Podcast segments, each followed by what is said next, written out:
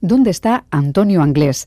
Una de las preguntas que más nos hemos repetido desde que huyó de España hace 29 años, acusado de la violación y el asesinato de las niñas de Alcácer, Miriam Toñi y Desiree.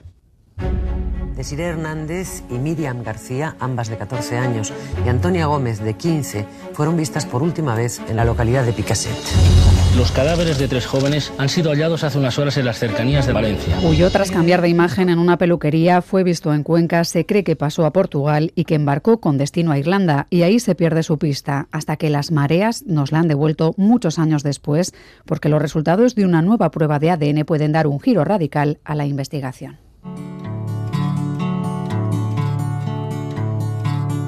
In Dublin's first city, where the girls are so pretty, I first set my eyes on sweet Molly. Un equipo forense investiga si el ADN de unos restos humanos que fueron encontrados en 2006 por unos pescadores en la isla de Lambay, en Irlanda, coinciden con Antonio Anglés. Han pasado 15 años, pero es ahora cuando los investigadores han hecho una reconstrucción digital del cráneo y han pedido ayuda a la policía española para su identificación. El parecido, dicen, es sorprendente. De ahí que se haya solicitado ya que se coteje el ADN de este cráneo con el de Antonio Anglés, para saber si los restos coinciden. Es posible que contara con ayuda para huir, que siguiera vivo años después del crimen. Esa ha sido una de las variables desde el inicio. Por eso, si se certificara la coincidencia del ADN del cráneo de Lambay con la de Anglés, se daría por cerrada una parte del caso y se acabaría con la alerta de búsqueda internacional que aún hoy, 29 años después, continúa activa. Soy Miriam Duque, la encargada de abriros esta Gambara Negra, un podcast de crónica negra en el que hacemos que ciencia, especialistas y pruebas abren más que nosotros para recomponer la actualidad y tratar de entender la mente de quienes se escoran al lado oscuro. La pregunta sigue viva. ¿Dónde está Antonio Anglés? Una pregunta que traslado a la mesa de especialistas. Carlos Basas es escritor especializado en novela negra. Carlos, ¿qué tal? Hola, ¿cómo estáis? Muy bien, aquí el mundo se dividió en su momento entre quienes creían que Antonio Anglés estaba muerto, que lo estaba desde hacía 29 años, y quienes creen que logró llegar a Irlanda como polizón. ¿En qué lado te posicionas tú? Bueno, ya sabes que soy poco dado a la teoría de la conspiración. Eh, la verdad es que nunca me llegué a formar una idea. Estaba claro que lo, importante era que, la policía no logró dar con él. Eh, estuviera donde estuviese, bien en Irlanda, bien en eh, escondido, Dios sabe dónde. lo importante era eso, ¿no? que logró eludir la la justicia, eh, estuvo ausente en el juicio que se celebró años después y que, bueno, mm, el hecho de que si ahora el ADN confirma que ese cráneo eh, es suyo, eh, le pertenece, pues se cerrará, como decíais, una, una puerta al fin, ¿no? al fin. Está aquí también Iñaki Rusta, director de la Policía Científica de la Archancha durante casi 30 años. ¿Qué tal, Iñaki? Hola, ¿qué tal? ¿Es posible desaparecer así de bien durante tanto tiempo? ¿Tener una identidad completamente nueva y limpia? Así un poco en líneas generales. Pues me imagino que, como ha comentado Carlos, en aquella época pudiera ser que sí. No obstante, hoy en día, con todos los medios de investigación, detección y todas las bases de datos que están intercomunicadas, tanto a nivel nacional, europeo y a nivel mundial, pues es algo complejo. Por lo tanto, esperamos o esperemos que la comparativa del ADN nos dé buen resultado para todos, ¿no? O sea, si no, lo ha hecho muy bien. Está aquí hablando de ADN Marian Martínez de Pancorbo, que es catedrática de Biología Celular y directora del Centro de Investigación Las Carae. ¿Cómo estás, Marian? Bienvenida. Hola, gracias. Muy bien. ¿Y vosotros supongo que también? Pues muy bien, sí. Hoy estamos aquí embarcados en saber eh, qué pasó con Antonio Anglés. Supongo que como especialista en ADN, como es tu caso, para ti bueno, será menos sorprendente el tipo de medios que existen hoy en día respecto a hace 29 años. Para el resto, ver la comparativa entre la fotografía de Antonio Anglés y la foto basada en la reconstrucción digital del cráneo es muy sorprendente. No sé si nos puedes explicar luego qué marcadores hacen falta, pero lo primero, si te ha sorprendido ver ese parecido, no sé si es razonable, pero sí tiene un cierto aire de lo que podría haber sido él años después. Claro, el, parecido que, se, que ocurra o que no ocurra es, lógico, teniendo en cuenta las tecnologías que han ido avanzando, los análisis de imagen han ido avanzando muchísimo en los últimos años. Hay unos excelentes softwares y sobre todo a partir de cráneo, que es donde es mucho más fiable tomar medidas y a partir de ellas reconstruir el rostro de una persona.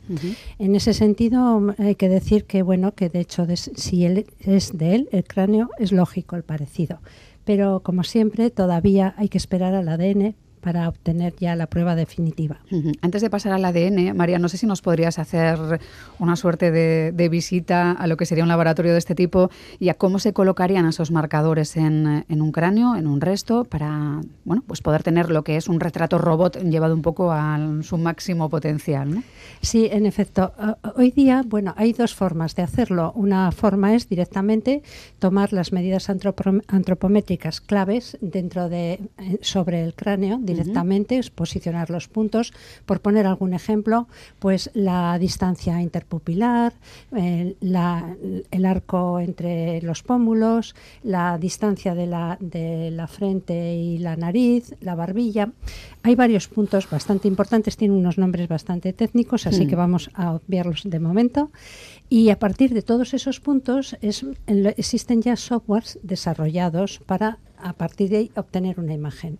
Claro, podemos decir, vale, pero esa imagen y si han pasado años y si ya es más mayor o cómo sería. Bueno, pues también existen los softwares que se relacionan con el envejecimiento o con la juventud de, de los, a partir de esas medidas que se toman y a partir de todo ello después pues es donde se hacen esos retratos que también permiten ajustarlo pues a raza blanca, negra, eh, asiáticos, etcétera. O sea que en un primer momento los marcadores establecen una suerte de retrato y luego se va haciendo una adaptación a lo que sería la evolución más o menos habitual que tenemos los seres humanos según van pasando las décadas de nuestra vida, ¿no? Porque entiendo que ya tendría más de 50 años. Efectivamente.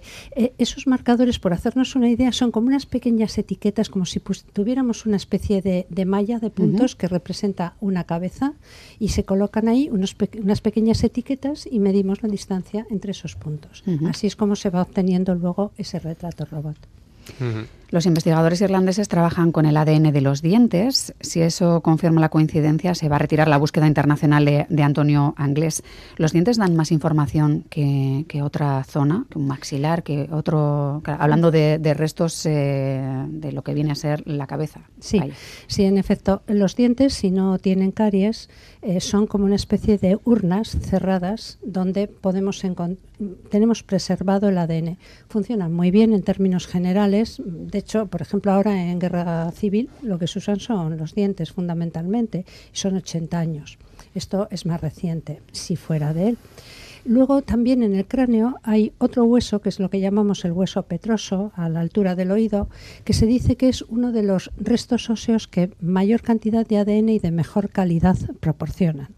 Por tanto, eh, si se disponen al menos de los dientes adheridos a mandíbula, claro, para asegurar que esos dientes son del individuo y además de eso, pues se obtiene, se tienen otros restos óseos de la cabeza disponibles, las posibilidades de obtener ADN son bastante buenas. Podríamos pensar que si ha estado sumergido podría ser un problema, pero normalmente la, la sumersión en agua salina no suele ser un problema a la hora de obtener ADN. Fíjate que, uno pensaría que, el salitre, que es capaz de, causar estragos en superficie, podía arruinar un resto de este tipo, pero la verdad es que no. Queremos decir que los investigadores han desmentido los rumores que apuntaban a que este cráneo ya había sido analizado con anterioridad, porque en la isla de Cork ya se encontró otro cráneo que fue cotejado con el ADN de la madre de Anglés y resultó negativo. Carlos, que sé que, anda, eh, que seguramente estabas ya viendo que había más, más vías abiertas. Esto sería una nueva oportunidad ¿no? para, para, mostrar que el caso sigue abierto también. ¿no? Sí, efectivamente. Al principio ya se hicieron los estudios con aquel cráneo, dio negativo. Al hilo de lo que estaba comentando antes Marian, pues sí, efectivamente lo que es el estudio antropométrico fisionómico solemos realizar. Nosotros, eh, para hacer un estudio fisionómico, lógicamente tienes que tener un cotejo, una base de datos también, ¿no? Es más sencillo, es más sencillo cuando tenemos eh, casos, eh, digamos, de mayor actualidad. En este caso estamos hablando, tenemos que ver la evolución del desarrollo de la antigüedad, en este caso la persona, y efectivamente están esos, esas eh, bases de datos simplificadas de estudio facial que se llama en 3D y no en 2D, pero siempre tenemos que tenerlo con la base de datos, digamos, de, envejecimiento, ¿no? O sea que... Mm. Si, alguien se quiere hacer una idea visual de cómo se hacía antes, es decir, antes de la existencia del software, eh, hay una película estupenda que se llama Gorky Park, que es una película del año 83 de Michael Apted, en la que también se realiza a lo largo de toda la peli, en distintos momentos va apareciendo la, eh, a partir de un cráneo, cómo se van eh, metiendo, añadiendo plastilina, simulando, pues rellenando los huecos, simulando los músculos, etcétera, resinas, ese tipo de cosas.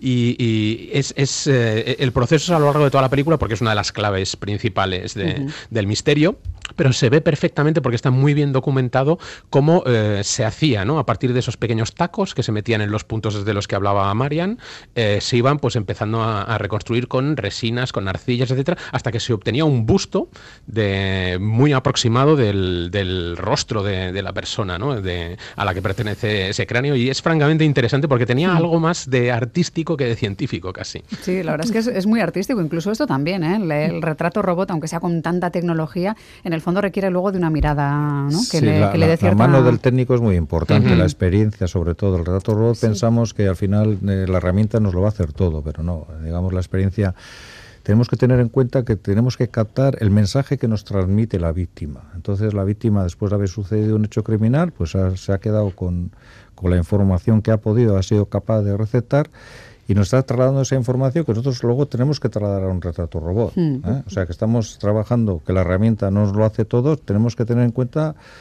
la experiencia, sobre todo de la de, en este caso del técnico, ¿eh? en base a la información que va captando de la víctima. Sí, sí, de la víctima o de los testigos, que a veces creemos que estamos totalmente seguros de cómo es mm. alguien, pero describirlo luego tiene matices y mucho misterio. Sí, ¿eh? digamos que para un artista que se dedica al retrato robot eh, hay dos verbos fundamentales. El primero es dibujar, pero el segundo y casi más importante que dibujar es escuchar. Mm, Saber escuchar perfectamente a, la víctima que te mm. está describiendo. Porque muchas veces, más allá de una descripción física, entre separación de ojos, etcétera, es una mirada lo que trata de describirte, es un brillo, es un, eh, un gesto que es lo que acaba de hacer que ese retrato se convierta en, la persona eh, que tú tienes en tu mente. ¿no?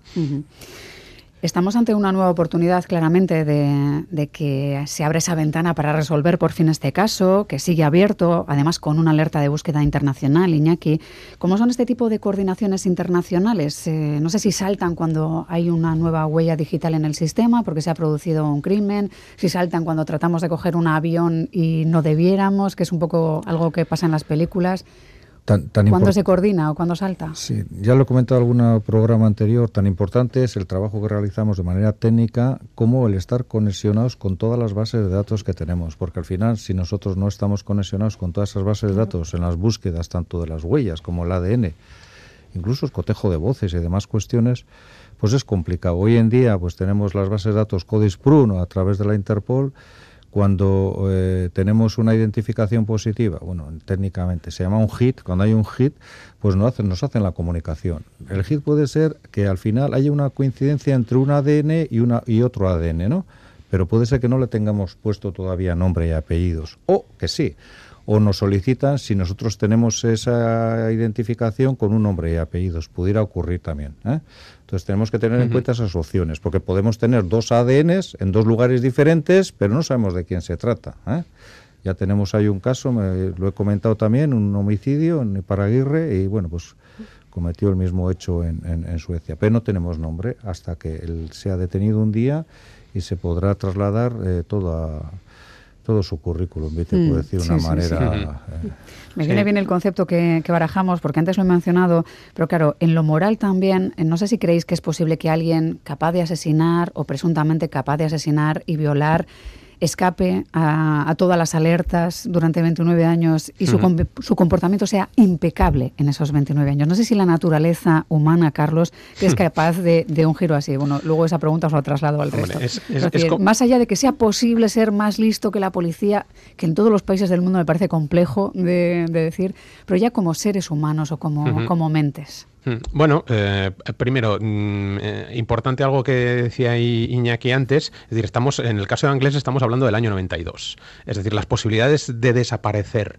en el año 92 eran bastante más elevadas que en la actualidad, por ejemplo. Es decir, si un criminal hoy procurara desaparecer mm. completamente del sistema, lo tendría bastante más difícil que. Por eso digo que ahora se hablo del alma del ser humano. Y en cuanto a eso, eh, bueno, depende del tipo de perfil, ¿no? Es decir, para eso necesitaríamos un, un criminólogo pero si realmente eh, a través de la victimología y a través del de, el crimen que cometió eh, aventuramos ese perfil de Antonio Anglés, eh, se me antoja bastante complicado que no haya vuelto a, o que no hubiera vuelto a las andadas. Mm. Sí, bastante, bastante complicado, porque ya no estamos hablando de un homicida, sino estamos hablando de otra cosa, ¿no? Estamos hablando de un perfil criminal distinto y, y, sí, se me, se me antoja muy complicado que a lo largo de todos estos años no haya vuelto a, matar, ¿no? Por ejemplo. Pero eh, también es cierto que en mucho psicópata, mucho asesino en serie, eh, es capaz, eh, con el tiempo, si estamos ante un asesino en serie, por ejemplo, inteligente o ante un psicópata inteligente, gracias a Dios no hay muchos, es capaz de cambiar su forma de matar, por ejemplo, ¿no? Quizá no tanto la victimología, pero sí el, modo en el que comete los crímenes, con lo cual despistas completamente a los investigadores en ese sentido. Bueno, pues esperemos eh, que no se haya producido ese hecho. Veremos a ver cómo evoluciona esta situación. Eh, Marían, hablábamos de resultados. Se mencionaba que estas nuevas pruebas de ADN eh, las autoridades estaban esperando los datos finales, pero que había que esperar desde un inicio entre 15 y 30 días, que era el tiempo normal que dura, corrígeme si me equivoco, una prueba de estas características con los avances tecnológicos del día de hoy. Pero ¿cómo era todo esto en el año 92, cuando se produjeron los asesinatos? Pues eh, prácticamente imposible. imposible porque en el año 92 se utilizaban técnicas que requerían que el ADN estuviera altamente preservado. Es decir, cadenas largas de ADN, que esto no ocurre cuando ya hay una cantidad de, pues el ADN de restos óseos, cadavéricos y tal. Entonces, entonces era casi imposible. Se podía hacer el ADN mitocondrial, pero el ADN mitocondrial solamente diría que eh, ese cráneo pertenece a una determinada estirpe materna, pero no va a decir que es de una persona en concreto. Entonces, aparte de eso, el tiempo era muy largo. Nosotros tuvimos en el año noventa y tantos unas pruebas de ADN y antes ah, recordaba, trabajamos en el laboratorio mm, a tiempo completo, es decir, a turnos, mañana, tarde y noche, dividiéndonos las personas que estábamos en el laboratorio durante casi tres meses. Casi tres meses. Casi tres meses para conseguir unos pequeñísimos datos. Entonces, esto quiere decir que entonces era muy difícil. Eh, tenemos que tener en cuenta, al hilo de lo que dice Marian, que efectivamente la dificultad que había en aquella época teníamos que tener pues 5 miligramos en sangre o eh, hoy en la actualidad con un simple contacto podemos, no quiero decir que en todos los hechos salga, podemos obtener ADN a través de los alelos y tal, o sea, la, evolución en el ADN ha sido, ha sido pero, pero, pero muy interesante y sobre todo para facilitar la resolución de casos que anteriormente pues no han sido resueltos, sobre todo casos eh, graves. No podemos eh, trasladar todas esa, esas técnicas para eh, otro tipo de hechos delictivos menores porque sería inviable, lógicamente, pues se produciría un colapso de lo que es el laboratorio, pero sí para los hechos criminales más graves sí que se han obtenido resultados muy importantes. ¿Y esas muestras son viables? Eh, quiero decir, porque los coches que se usaron en, en, aquel caso han estado todo este tiempo en un depósito, parece que vuelven a hacerse análisis, eh, ¿los restos que puedan aparecer hoy en día son viables? Esto no es matemática puro, Marian. Al final, eh, cuando suelen decir, de aquí vais a sacar esa presión típica de solar, vais a sacar ADN, que seguro que aquí sale ADN porque yo he visto tal. De las cuestiones que en principio parecen las más sencillas y que y que pues bueno pues nadie eh, va a poner ninguna objeción de que vamos a sacar pues nos hemos llevado sorpresas. Sin embargo de hechos criminales en los cuales simplemente ha habido un contacto de agarre autor víctima pues es una zona menos susceptible de obtener ADN y se han obtenido resultados positivos. Por lo tanto yo siempre digo eh, cohetes pocos al aire y una vez hecho todo el proceso y todos los estudios y todas las técnicas ahí veremos los resultados porque aquí somos muy dados a dame la información rápida para ver si No, ya rápido, en este caso rápido no vamos a poder ir. De, tres, meses, de tres meses, a lo que comentaba Marian, de tres meses a, los estudios que desarrollamos hoy, haciendo en tiempos récords y pues haces en tres días también, o sea, que incluso forzando la máquina en menos tiempo. Sí, aún así, no solamente eh, las técnicas son más rápidas, sino que son mucho más fiables. Fiables, fiables sí, sí, sí. Eso es. Entonces, claro, ha cambiado mucho, pero es lo de siempre. Por ejemplo, nosotros tenemos una experiencia clara. Tenemos eh, de, de 100 casos, 85 conseguimos obtener de casos antiguos y restos óseos, dientes y tal, en un 85% conseguimos eh, análisis. Hay otro 15% que nos preguntamos, ¿y por qué? ¿Por qué? esto no sale? Bueno, al menos en la proporción yo creo que ha subido de forma exponencial y eso es muy importante.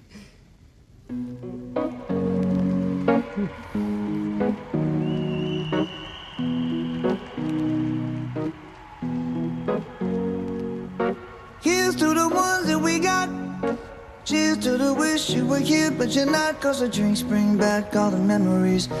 Carlos, este fue uno de esos casos que el True Crime ha mantenido de actualidad y prácticamente que fuera cualquiera que fuera niño, niña o adulto recuerda los nombres de aquellas tres chicas, siempre en el mismo orden, normalmente. Eh, Miriam Toñi y Desiree.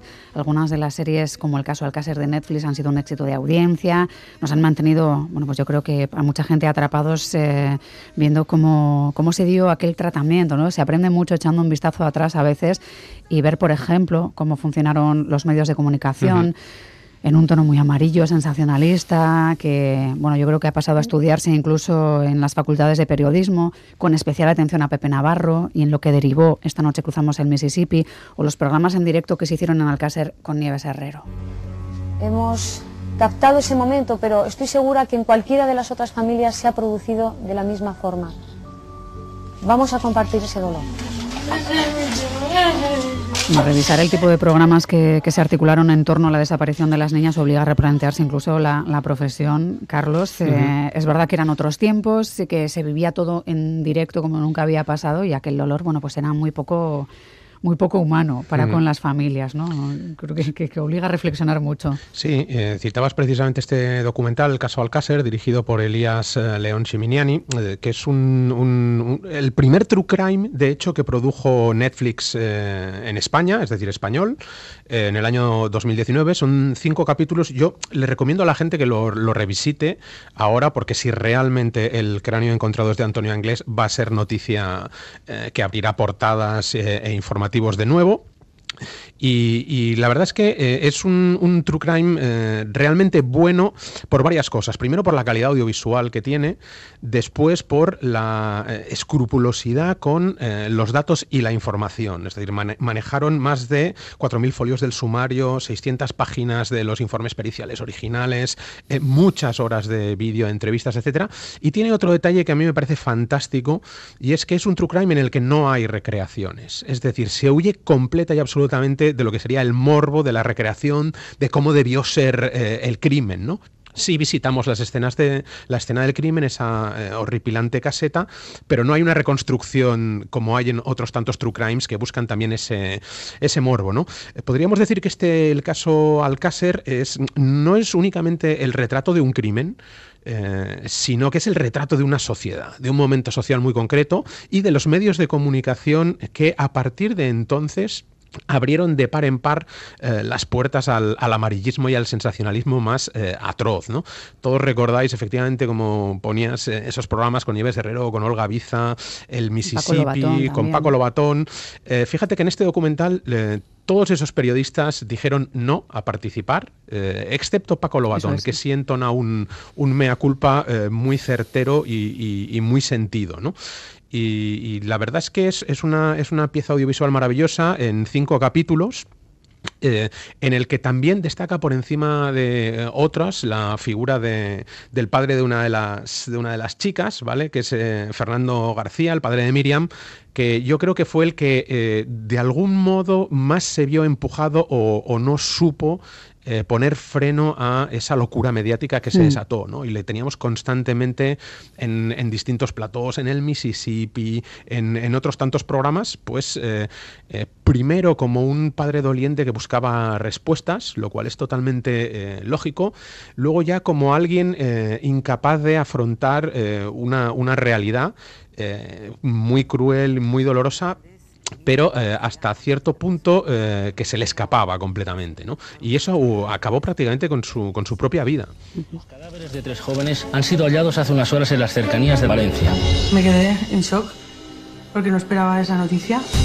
Uno piensa que he hecho yo en esta vida para merecer esto. Alcácer ha amanecido hoy pidiendo justicia. Fue una auténtica locura. Todo el pueblo se convierte en un plató. Los medios están usando el dolor. Sí, ese momento, el de pena de muerte, yo creo que marca mucho porque se ve como todo un pueblo está viendo en directo, se va de las manos. Es verdad que durante años se ha acusado a Nieves Herrero de haber hecho un periodismo infame. No creo que estuviera sola allí, ni que la presentadora de, un informativo en directo sea capaz de, manejar, ni tiene las riendas para cortar una emisión en directo. Así que sin hacerlo bien no fue la única culpable estoy, ahí. Estoy convencido de que ni ella misma eh, en ese instante sabía, sabía ni qué estaba haciendo, ni qué hacer, ni por dónde, ni por dónde tirar. ¿no? Otra de las cosas importantes que tiene este True Crime, el caso Alcácer, es que eh, mm, comparte por primera vez las grabaciones del juicio. Es decir, en su momento no tuvimos acceso a, ese juicio, no fue un juicio televisado, por decirlo de algún modo, eh, pero en el documental sí están esas, esas grabaciones de las, de las sesiones, lo cual también eh, es francamente interesante para ver cómo funciona el, procedimiento judicial español. ¿no? Mm. Y el caso Alcácer supuso otra cosa muy importante de, que, de la que la gente habla poco, pero que yo creo que eh, hay que destacar, ¿no? Es decir, hubo una oleada en ese momento de, eh, voy a utilizar esta expresión, eh, no porque sea la más correcta, pero sí la más gráfica, yo creo, para los oyentes, una oleada de antifeminismo de, eh, estaba despegando cierto feminismo, cierta libertad y eh, sirvió para que determinados poderes fácticos eh, trataran de cerrar la puerta a, esa libertad hacia las mujeres. ¿A qué me refiero? Una de las frases más repetidas en todos los medios de comunicación fue ¿qué hacían tres chicas solas? ¿Cómo las dejaron salir sus padres a esas horas? ¿Y cómo se les ocurre hacer autostop? ¿no? Chicas, no salgáis de casa. Fue un mensaje muy potente que hizo que la sociedad reaccionara de una manera eh, absolutamente proteccionista y que se cerraran eh, algunas puertas que, empezaban a abrirse por entonces, ¿no? Mm. Y no es, no es tontería que lo que hoy se llamaría el, heteropatriarcado procuró defender un estilo de vida, un estilo de familia, también incluso llegando a criminalizar a las propias víctimas, ¿no? Lo cual ya fue el paso definitivo para el, el absoluto chapapote en el que se convirtieron los medios de comunicación. Es verdad que se impuso el discurso del miedo que una generación siguiente o todas aquellas que tenían entre 14 y 18 años escucharon muchísimas veces aquello de que había que tener mucho cuidado, así que se victimizó a una generación por lo que pudiera llegar a pasar. Por tanto, yo creo que si hay posibilidades de saber qué ocurrió con Antonio Anglés, eh, eso ayudará a saber que al menos los dos eh, presuntos culpables estarían ya acotados. ¿Creéis que cerrarlo, Marian, por fin cerrará la herida. Iñaki, a ti también te lo pregunto, que por fin esto es el punto que estaba necesitando. Eh. Sí, en principio también sobre todo para el tema de las familias, ¿no? Esa incertidumbre que se genera de dónde está y sobre todo que esperemos que no, pero si se mantiene vivo, pues al final, quieras que no, pues es un dolor eh, añadido al que ya sufrieron las familias eh, en en ese hecho, ¿no? Sí, a los colectivos que sean implicados que siguen investigando, ¿no? Que cada cierto tiempo van peinándolo, ¿no? Incluso con el ADN. Exactamente. Se trata de, bueno, si esta vez efectivamente el cráneo es de esta persona, se cierra el ciclo. Otra cosa es las heridas. Las heridas han pasado mucho tiempo, se van convirtiendo en van evolucionando. Esperemos que ayude, ¿no? Saber que, bueno, al menos ya no está. Y si realmente se demuestra que es él, cerraría la puerta a, otra cosa, a una posibilidad eh, que a mí me pone los pelos de punta. Y es que el propio Antonio Anglés reapareciera con un delito prescrito eh, y la sociedad no lo entendiera bajo ninguna circunstancia. Bueno, esperemos que ese sea un escenario que no vaya a producirse nunca y que haya respuesta para la pregunta con la que comenzábamos. ¿Dónde está Antonio Anglés? A los tres muchísimas gracias. Marian, Iñaki, Carlos, cuidaos mucho y como siempre un placer charlar con vosotros. Muchas gracias. Hasta luego. Muchas gracias. Agur.